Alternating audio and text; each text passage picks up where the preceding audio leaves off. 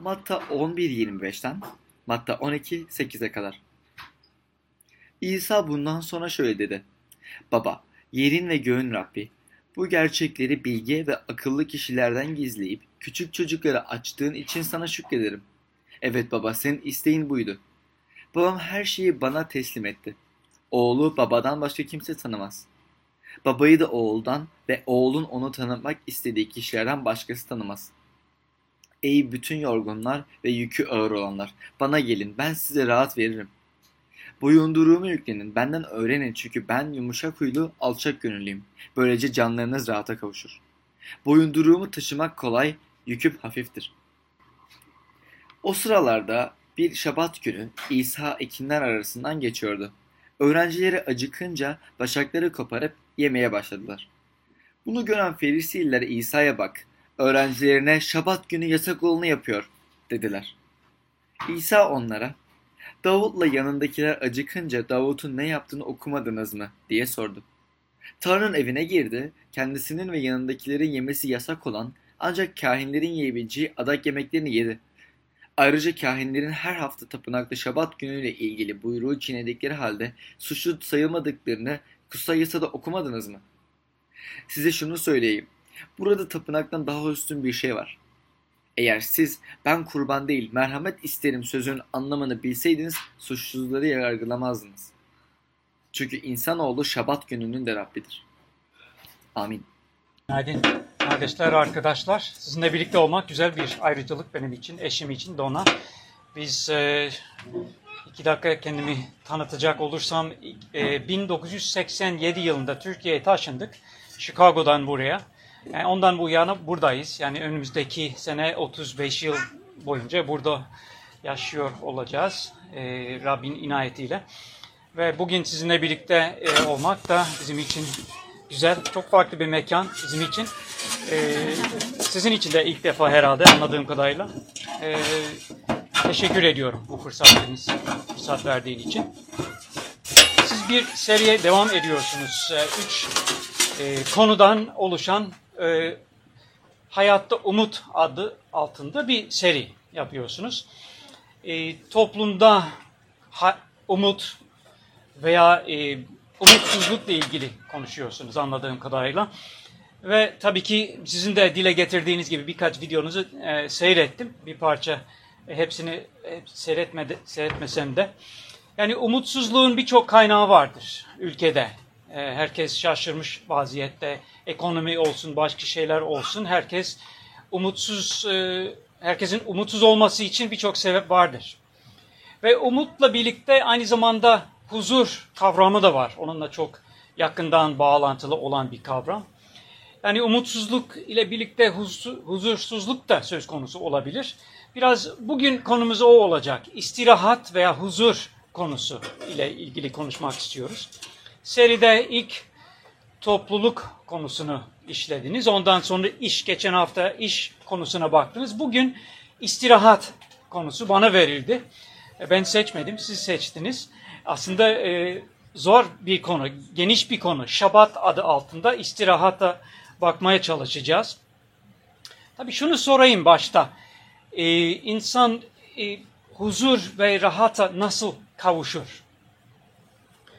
Yani bir, kişiler yani birçok şey için insanlar dinleyebilmek için, dinlenebilmek için veya kafalarını dağıtmak için birçok şeye zaman ayırırlar. İstirahat, rahat bulmaya çalışırlar, birçok şey yaparlar. Ee, ama gerçekten dinlenmek veya tatil yapmak, tabii bunlar güzel şeyler. Karşı değilim. Ee, Noel'de e, çocuklarımızın yanına gideceğiz, Amerika'ya gideceğiz. 10 e, günlüğüne tatil yapacağız. E, ile birlikte tatil yapmaya çalışacağız. E, güzel şeydir bu dinlenmek ama esas insanın iç huzur ihtiyacını karşılar mı dinlenmek veya tatil yapmak? Kutsal kitaba baktığımız zaman tam anlamıyla karşılamaz diyebiliriz. E, çok önemli bir e, teolog var, e, Augustinus bilirsiniz. Kilise babalarından biri, kilise babaları denilen büyük teologlardan biri. Şöyle bir sözü var. Biz bizi kendin için yarattın ve kalplerimiz sende huzur bulana kadar huzursuz. Çok önemli bir tespit. Ama bunu bu tespit yapmadan önce yıllar boyunca genç bir adam olarak Augustinus huzur bulmak için kendini birçok şeye vermişti. Hani kendine e, aşırı zevklere verdi, birçok felsefe araştırdı, birçok şeye kendini verdi ama huzur bulamadı. Ta İsa'da Romalılar mektubu aracılığıyla İsa'da gerçek rahat bulana kadar. Ve bugün o konuya bakacağız. Ee, özet verecek olursam şöyledir söylemek istediğim. Tanrı'nın insan için yarattığı huzur veya istirahat sadece ve sadece İsa Mesih'te bulunur. Demin okuduğumuz ayetlerde oğul bunu bize açar. Biraz önce orada okuduğumuz sözlerinde İsa diyor ki Ey bütün yorgunlar ve yükü ağır olanlar bana gelin ben size ne vereceğim? Huzur, istirahat, rahat veririm diye söz veren birisi. Ve bunu şabat konusu bağlamında söyler. Devam eden ayetlere baktığımız zaman. Hatta şunu söyleyeceğim e, bugün. İsa'nın kendisi istirahatımızdır. Nasıl ki İsa Mesih esenliğimizdir diyorsa İncil, aynı şekilde İsa Mesih gerçek şabatımızdır. Rahatımızdır. Şimdi geniş bir konu dediğim gibi e, birkaç günde konuşabiliriz. Dona da bana bakıyor uzun konuşma e, yapma diyor oradan. E, alışıklar mı? İyi bak. E, şimdi nereye nereden başlayalım bu konuya? İsa Mesih'in bu sözlerinde bir rehber ifadesi var. Diyor ki baba yerin ve göğün Rabbi veya göğün ve yerin Rabbi diye başlar dua ederken. Bu bizi nereye götürür kutsal kitapta? Göğün ve yerin yaratılış bölümüne götürür. Şabat konusunun Şabat konusunu orada bulacağız. Yaratılış bire dönmemiz lazım. Kutsal kitabın birinci kitabı yaratılış kitabına dönmemiz lazım. Ve orada ilk ayet kutsal kitabın ilk bölümü ki kutsal kitap bildiğiniz gibi başlangıçtan başlar ta sona kadar devam eder.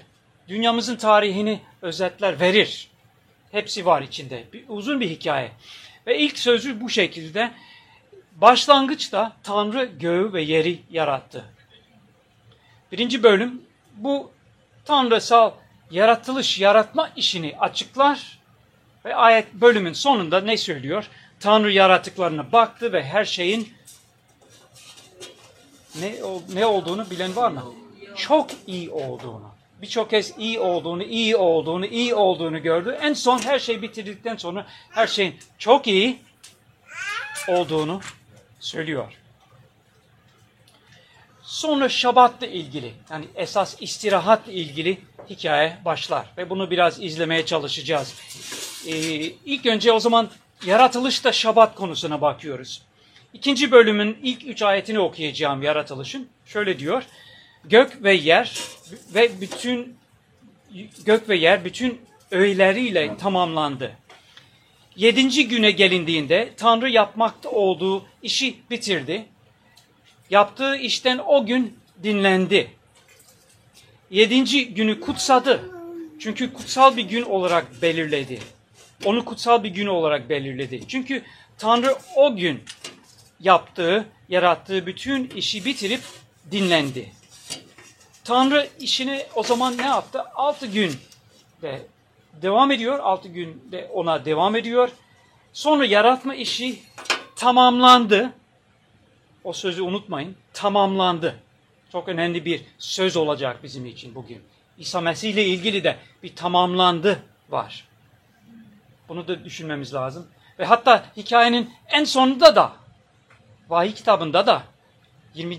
21. bölümde de yine tamamlandı diye okuyacağız. Tamamlandı dedikten sonra burada okuduktan sonra yedinci günü kutsar ve ne yapar? İstirahat eder. Tanrı tabi e, şüpheciler soruyorlar. Tanrı ne oldu? Yoruldu da istirahat etti veya dinlendi. Tabii ki biliyoruz o şekilde Tanrı yorulmaz diyor Yaşaya 40. E, yüce Tanrı gökleri yaratan yorulur mu? Yorulmaz. İnsan değil ki yorulsun. Ama istirahat eder.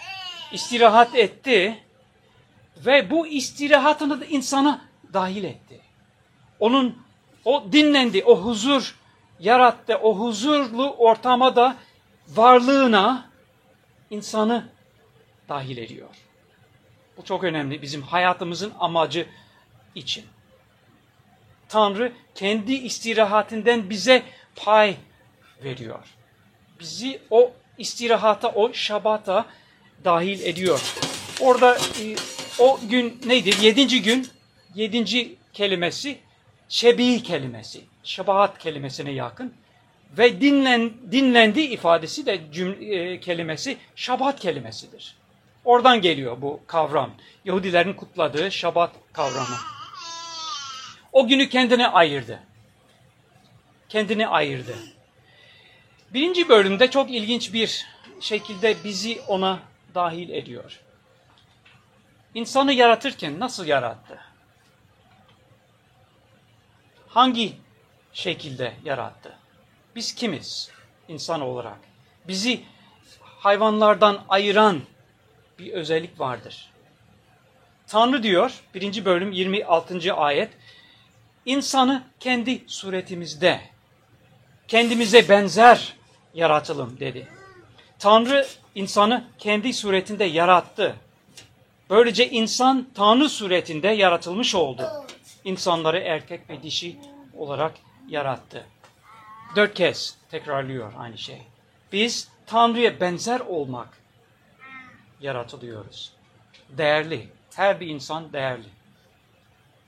Yanlış yapsa da değerlidir Tanrı'nın gözünde. Ama bu bölümü şabat kavramıyla birleştirdiğimiz zaman ne görüyoruz? Tanrı ne yaptı? Tanrı çalıştı. Altı gün çalıştı. Sonra bir gün dinlendi. Kendi benzeyişine yarattığı insan için ne belirliyor? Çalışmak ve dinlenmek. Ta yaratılırken bunu bu şekilde ne görüyoruz? Nasıl bir görev veriyor? Nasıl bir çalışma olacak? 28. Ee, ayette diyor ki onları kutsayarak verimli olun, çoğalın dedi. Yeryüzünü doldurun ve denetiminize alın. Denizdeki balıkları, gökteki kuşları, yeryüzündeki yaşayan bütün canlıları egemen olun.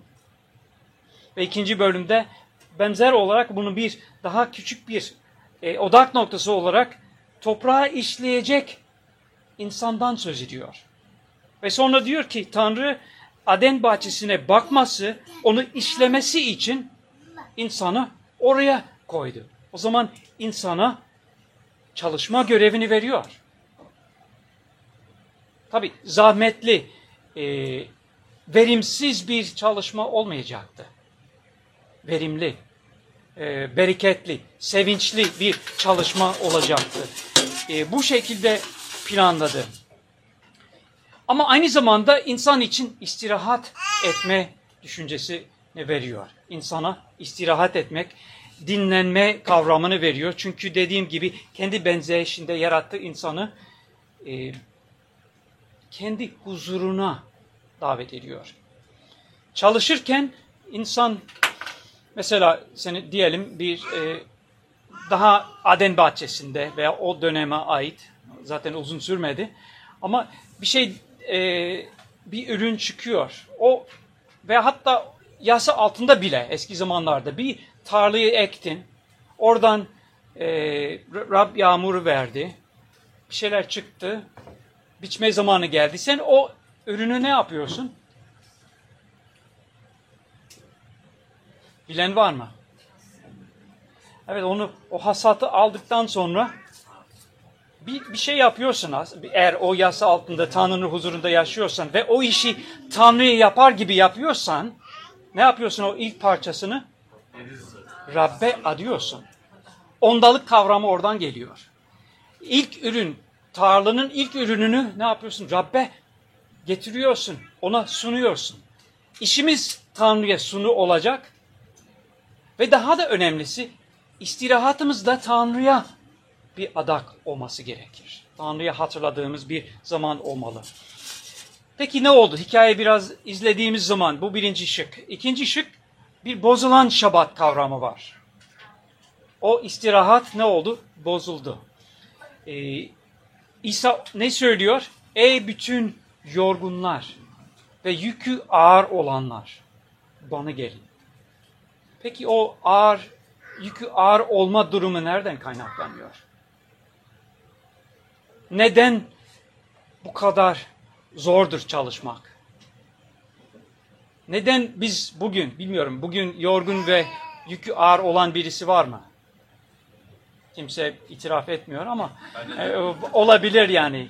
Yorgun, yükü ağır olanlar olabilir. Ben de bazen hatta bu sabah da öyleydim. Sık sık böyle olabiliyoruz. Kaygılarımız, yüklerimiz, düşüncelerimiz e, nereden kaynaklanıyor bu?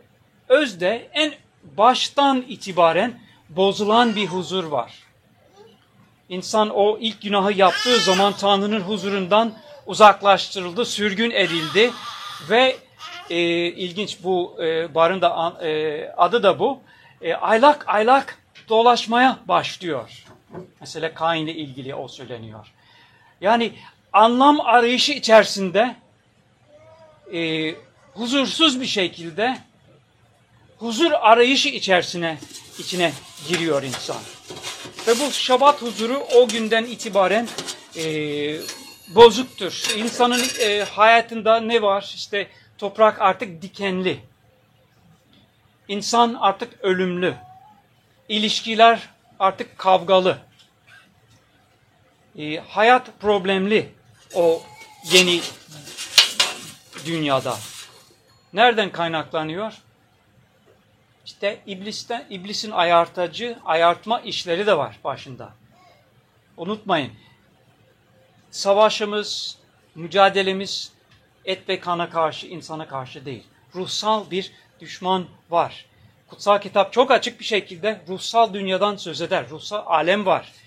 Ve bu e, son derece önemli. İkincisi kendi günahlarımız var. Yanlışları, yanlış yapıyoruz. Biz başkalarına yanlış yapıyoruz. Rabbe yanlış da yapıyoruz. Başkaları da bize karşı yanlış yapıyor.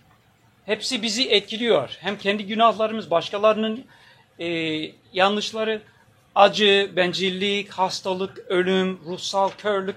Hatta iyisi diyor ki bilge, dünyasal açıdan bilge ve akıllı kişiler bile tanıyamıyor.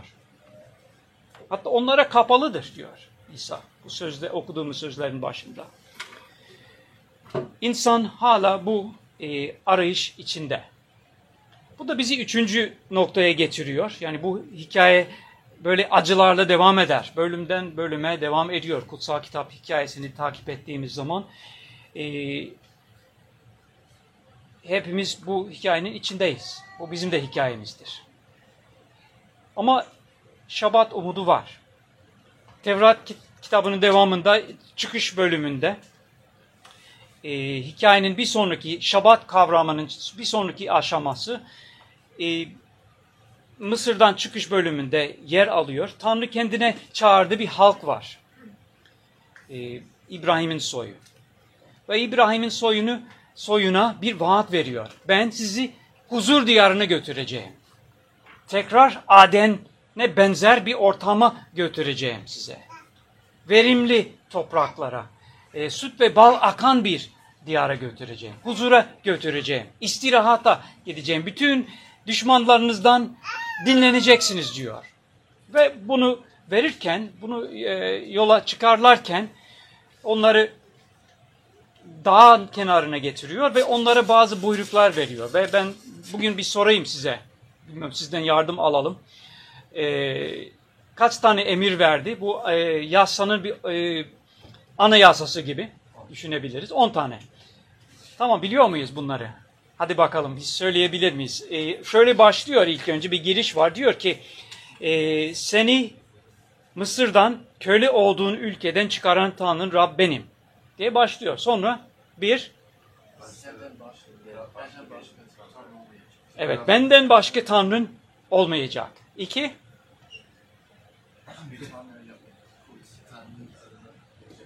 Put yapmayacaksınız. Başka tanrınız olmaya put yapmayacaksın. Başka?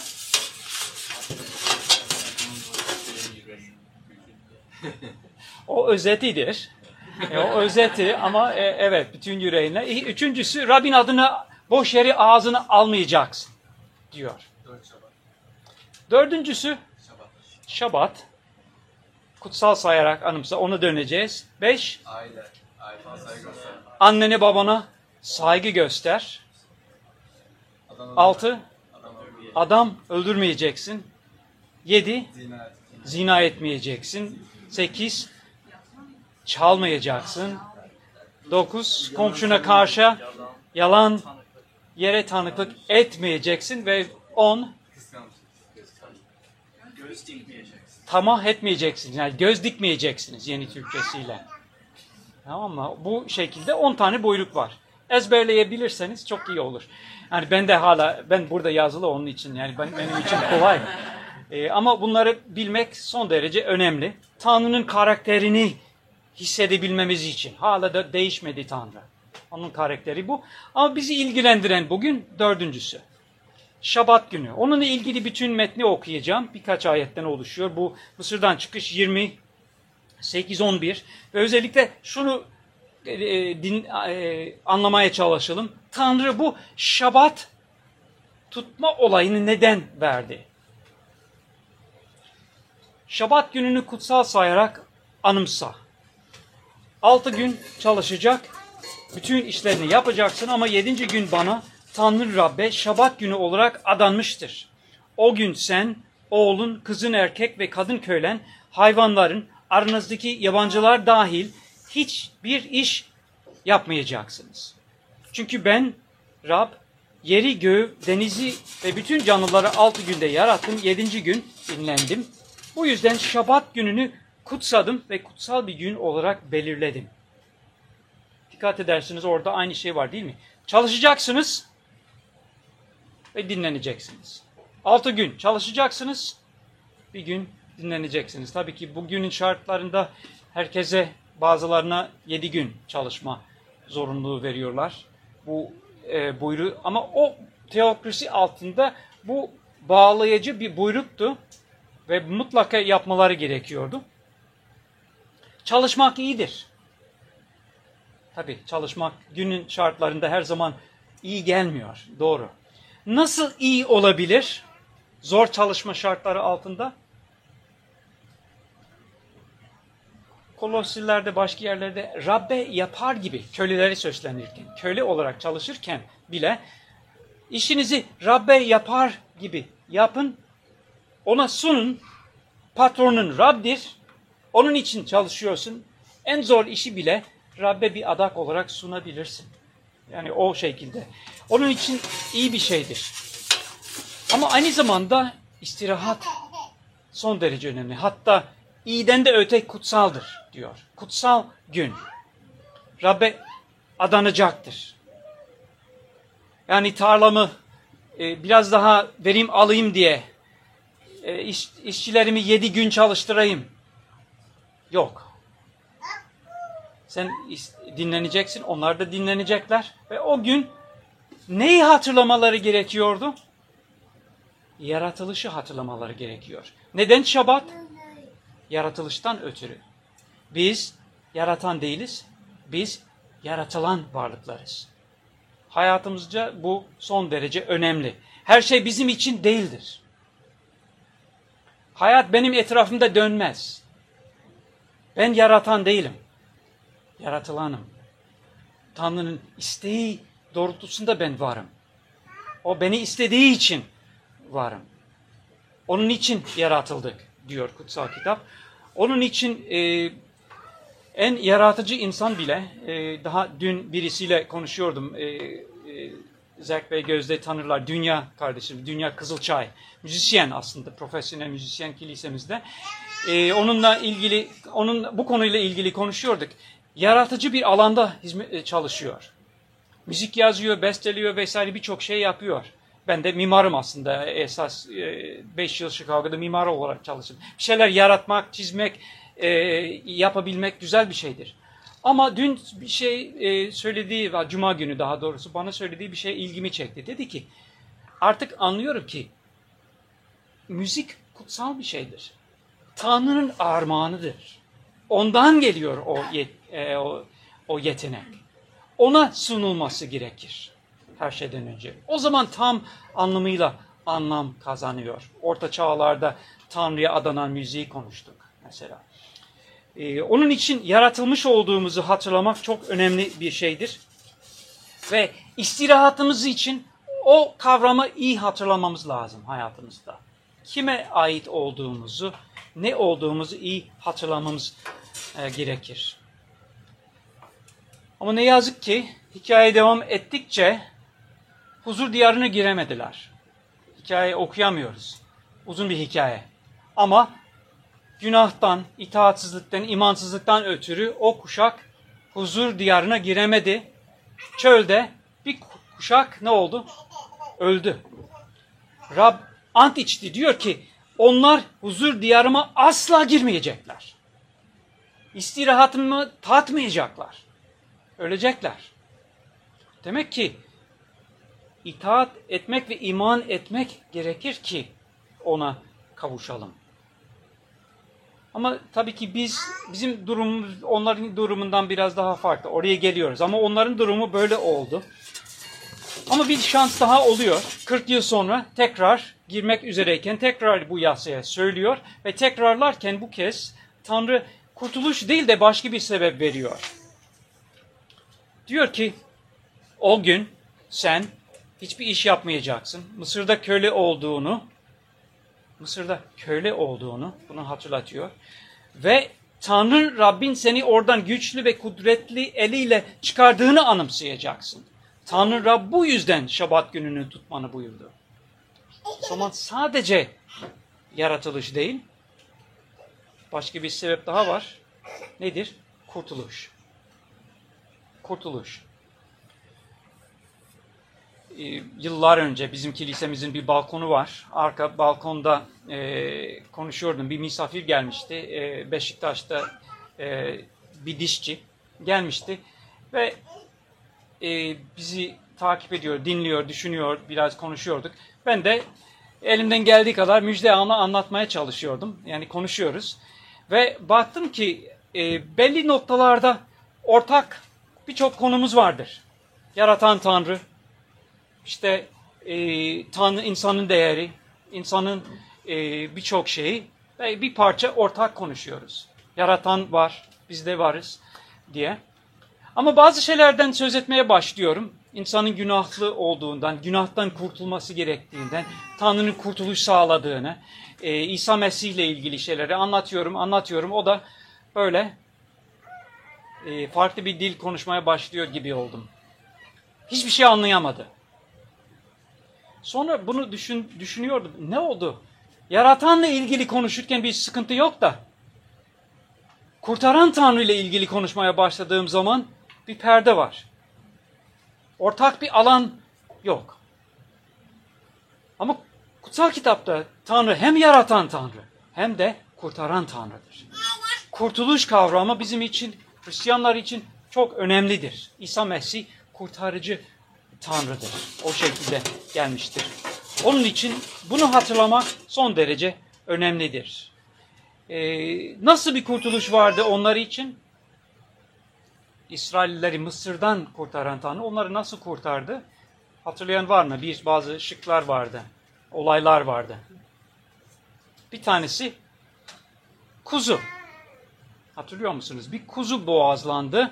Okuyan, okumak isteyen çıkış bölümünde, Mısır'dan çıkış, 12. E, bölümde bunu okuyabilir. Onu izleyen bölümlerde hem bir kuzunun kanıyla ölümden kurtulma vardır, hem de Kızıldeniz'den, e, düşmanın elinden kurtuluş vardır, hem de e, huzur diyarına götürme gücü vardı Tanrı'nın. Onları götürüyor ve onları götürürlerken bu şabat gününü onlara hatırlatıyor. Ama yine yapamadılar. Huzura kavuşamadılar. Diyara girdiler ama yüzyıllar geçtikçe tekrar tekrar hem Şabat günü hem diğer antlaşma koşullarını yerine getiremediler. Sürgüne gönderildiler. Yasayı yerine getiremedikleri için, antlaşmayı bozdukları için Tanrı onları sürdü. ve 70 yıl kaldılar. İsrail'in tarihini, Yahudilerin tarihini okumak bunun için önemlidir anlamak için. İsa İncil'i açtığımız zaman farklı bir döneme gelmiş oluyoruz ve bu kez e, farklı gruplar var. İşte adları bu bölümde de geçti. Ferisiler, Yahudi, dindar Yahudiler, e, daha belki bağnaz veya yasacı diyebileceğimiz dindar kesim var. Onlar öyle e, şuna karar verdiler. Bir daha yasayı çiğnemeyeceğiz. Yasayı olduğu gibi yerine getirmemiz lazım. Bu başımızı geldi. Bir daha bunu yapmayalım. Yasanın bütün kurallarını yerine getirelim. Hatta onları e, bozmamak adına başka kurallar da eklemeye başlayalım. Hani bir çitten söz ediyorlar. Yasaya çitle çevirelim. Hani şabat günü dinlenmek mi gerekir? O zaman şabat günü dinlenme ne demektir? Çalışmamak ne demektir? Yürümek çalışmak mıdır? Veya e, bir şeyler temizlemek çalışmak mıdır? Yemek hazırlamak çalışmak mıdır? Bütün bunları e, konuşa konuşa 200-300 yıl boyunca kurallar birikti, birikti, birikti. Ta ki İsa Mesih'in zamanında halaka denilen e, Yahudi yasasında çalışmamak, şabat günü yapılmayacak işler, e, işlerin tanımı 39 farklı alanı kapsıyordu. Bir tanesi de neydi? E, biçmek. Tarlada biçmek kesinlikle çalışmaktır, yasaktır. Onun için bu bölümde okuduğumuz şey İsa ve öğrencileri tarladan geçiyor. Ekinlerin arasından geçerken ne yapmaya başladılar? İşte başakları acıktılar. Başakları alıp ağızlarını e, biraz e, atmaya başladılar. Onları izleyen din adamları ne yaptılar? Sordular. Siz Şabat günü yasak olanı neden yapıyorsunuz dediler. Ve iş oradan geliyor. Bu ve bu ilk tartışma, Şabat günü tartışması. Bunlarla sık sık rastlarsınız müjde kitaplarında İncil'i okurken. Çok var orada. Yasak olanı yapıyorsunuz. İsa Mesih çok açık bir şekilde onlara şunu söylemeye çalıştı. Yasak olanlara odaklanarak huzura kavuşamazsınız. Yasak olanlara odaklanarak benim huzuruma kavuşamazsınız. Evet tabii ki Tanrı'nın yasakladığı şeyler vardır. Ama sürekli oraya odaklanarak yasa aracılığıyla kurtulamayacaksınız diye e, getiriyor onlara söylüyor. Peki nasıl kavuşuruz? Son noktamız bu olacak. Yani işte nasıl rahata, nasıl istirahata kavuşuyoruz? Şimdi somut olarak da biz Hristiyanlar neden yedinci gün toplanmıyoruz? Neden top, bu toplantı dün yapılmadı, bugün yapılıyor? Şabat günü haftanın yedinci günü, cumartesi günü. Siz yapmadınız. Ben de yapmıyorum. Biz buradayız. Pazar günü buradayız. Ve biz buna şabat demiyoruz. Hristiyanların bazı geleneklerinde belki şabat denebilir bugüne, bugün yaptığımıza. Ama kutsal kitapta bu nasıl, ne oldu da değişti? İsa Mesih gelip de ne yaptı? Ne söyledi ki böyle oldu?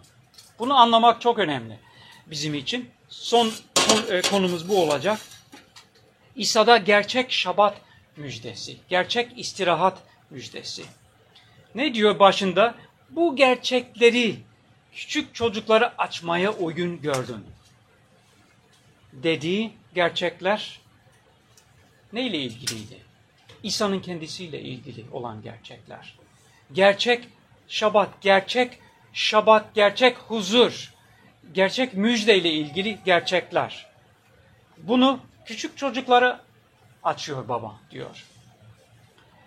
Ee, İsa Mesih Şabat günü Havra'ya gider miydi? Havra onların toplantı yeriydi o dönemde. Kesinlikle giderdi. Her cumartesi günü oradaydı. Eksiksiz bir şekilde ne diyor ne okuyoruz? Luka 4. bölüm 16. ayet. İsa büyüdüğü Nasara kentine geldiğinde her zamanki gibi Şabat günü Havra'ya gitti kutsal yazıları okumak üzere ayağa kalkınca ona peygamberle yaşayanın kitabı verildi. Demek ki Şabat günü sadece çalışmamak değil de aynı zamanda Tanrı'nın sözünü dinlemek için de bir araya geliyorlardı. Ee, bunu hazırlarken bir düşünmeye başladım. Acaba benim hayatımla ilgili birisi bir şey özet yazarsa her zamanki gibi diye başlarsa ne yazar? Sizin hayatınızı kaleme alırsa birisi e, Ahmet, Mehmet, Fatma, e, Hülya her zamanki gibi ne yapıyor? Böyle bir alışkanlığımız var mı hayatımızda? Devamlı olarak Tanrı'nın huzuruna gidip onun sözünü dinlemek, onunla onun huzuruna kavuşma çabası ve onunla birlikte olma gayretimiz var mı? Her zamanki gibi düzen o var mı bizde? İsa kitabı açtı ve şunun yazıldığı yere yerden okumaya başlıyor. Rabbin ruhu üzerimdedir. Çünkü o beni yoksulları müjdeye iletmek için mesetti. Bunları bu sözleri iyi dinleyelim. Çünkü esas şabat kavramına geliyor şimdi. Esas yeni şabat. Onun getirmeye e, getirmeye geldiği şabat bu. Beni yoksulları müjdeye iletmek için mesetti. Tutsakları serbest bırakılacaklarını, körleri gözlerinin açılacağını duyurmak için, ezilenleri özgürlüğe kavuşturmak ve Rabbin lütuf yılını ilan etmek için beni gönderdi. Sonra diyor ki, dinlediğiniz bu yazı bugün yerine gelmiştir diyor. Benim diyor. İşte geldim diyor. Buradayım. O gün şimdi diyor. O büyük şabat günü, o büyük dinlenme, o özgürlük yılı şimdiden başlayacak. Benim gelişimle başlayacak diyor. Ben geldim de ben buradayım. Şabat gününün Rabbi olarak buradayım diyor. Evet bir eski antlaşma var okuyoruz. Musa'nın yasası var. Bir de İsa'ya geliyoruz. Bu, orada bir kurtuluş vardı. Mısır'dan kurtuluş, çıkış. Burada bir kurtuluş var. Biz Yahudi değiliz. Bilmiyorum belki Yahudi var aramızda ama ben Yahudi değilim. Ama Yahudiler, Yahudi olmayan ve bugünkü Yahudiler için nasıl bir kurtuluş söz konusu? Bir kuzu mu var? Bir kuzu var. İsa Mesih çarmıhta ölerek Tanrı'nın kuzusu olarak günahları ortadan kaldıran kurbandı. Bir kuzu var. Ölümüyle ölümden, ölüm denizinden geçip çıktı öbür taraftan. Ve bizi de göksel bir e, huzur diyarına götürmeye geldi. Ve şimdi bizim şabatımız cumartesi günü bir gün değil aslında. Bizim şabatımız onun bize verdiği, vermeye vaat ettiği huzurdur esasında. Ne diyor? Ee, oğul diyor, sadece oğul bunu verebilir. Ee, dikkat ettiniz mi? 27. ayet. Bu bazıları diyor ki İsa hiçbir zaman kendini Tanrı ilan etmedi. İsa kendini Tanrı'yla bir ilan etti mi acaba? Ne diyor? Babam her şeyi bana teslim etti. Oğlu babadan başka kimse tanımaz. Babayı da oğuldan ve oğlun onu tanıtmak istediği kişilerden başkası tanımaz.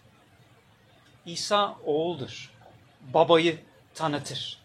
Yalnızca onun aracılığıyla babaya gelebiliriz. Yalnızca onun aracılığıyla huzura gelebiliriz. Diyor ki bu ayetlerde boyunduruğumu takının. Boyunduruk gördünüz mü? Hiç. Boyunduruk nedir? Hem köylülerin hem de hayvanların başına geçirilen bir alettir. Onunla yük taşır. Değil mi? Zorla. Ve yasa bir nevi boyunduruktu onlar için. E, Petrus da bunu söylüyor. E, Elçilerin İşleri 15'te atalarımızın taşıyamadığı bu boyunduruğu neden başkalarına uygulamaya çalışıyorsun? Diyor ki boyunduruğumu yüklenin diyor İsa. Benden öğrenin. Çünkü ben yumuşak huylu alçak gönüllüyüm. İsa'ya geldiniz mi? Ondan ne öğreneceksiniz? Ne öğretecek? Benden öğrenin diyor. Huzurla ilgili ne öğretecek bize? Neyi tanıtacak? babayı tanıtacak bize. Huzur nerede? Babadadır. Babayla o mükemmel güven ilişkisi içinde yaşamaya bizi öğretecek.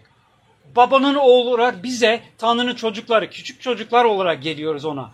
Ve onunla e, bir güven ilişkisi, sıcak bir yakınlık içinde yaşamaya bize o öğretecektir. Ve ben size huzur vereceğim diyor. Canınız böylece huzura kavuşur.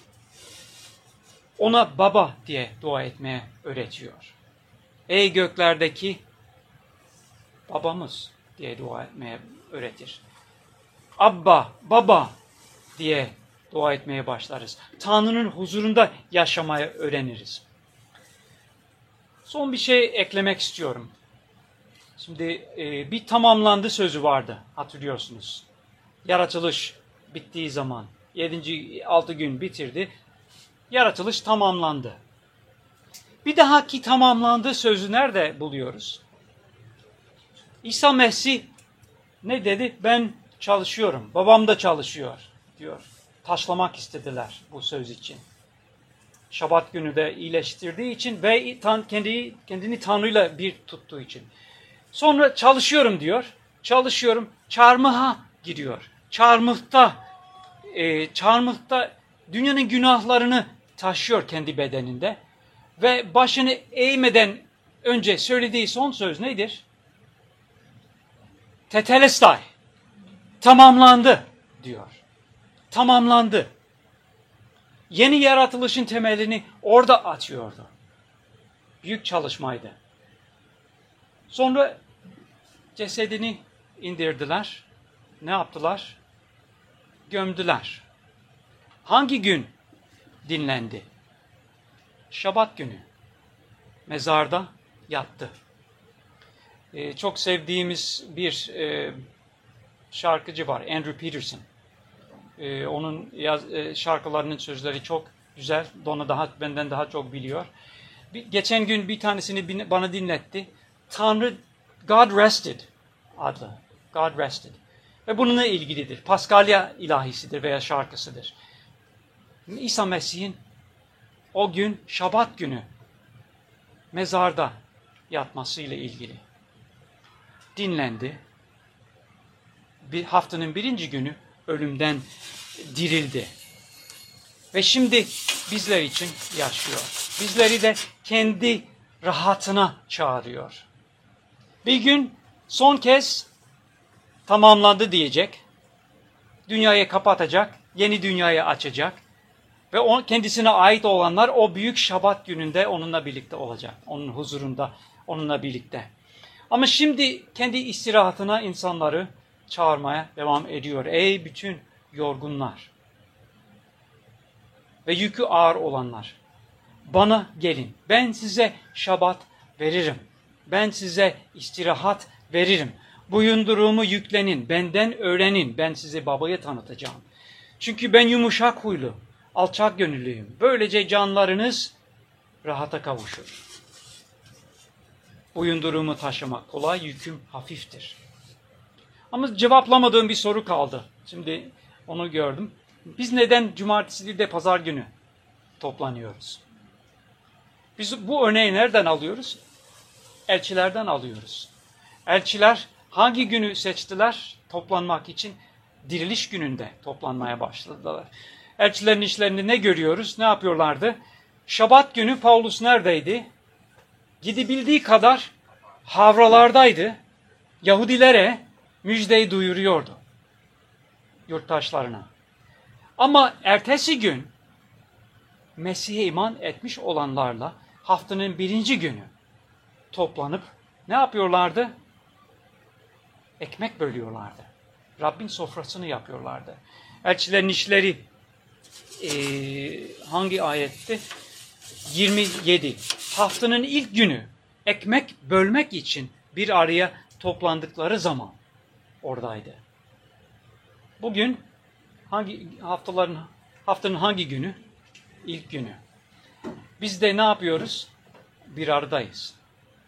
Bir arada toplanmış oluyoruz. Hangi amaçlarla? Her şeyden önce Rabbi ekmek bölmekle Rabbin sofrasında anmak, onun bizim için sağladığı kurtuluşu kutlamak için bir aradayız. Orada istirahatımız var. Ve ben sizi teşvik etmek isterim. Ee, ilk hafta herhalde bu serinin ilk haftasında bir araya gelmekten ne diyor? Vazgeçmeyelim. Çünkü bu bizim için istirahat kaynağıdır bizim için. Ve aynı zamanda istirahat eden Tanrımıza yücelik e, getirecektir. Rab sizi bereketlesin. Bugün istirahatımız İsa'ya cesaretle gelelim. Teşekkür ederim.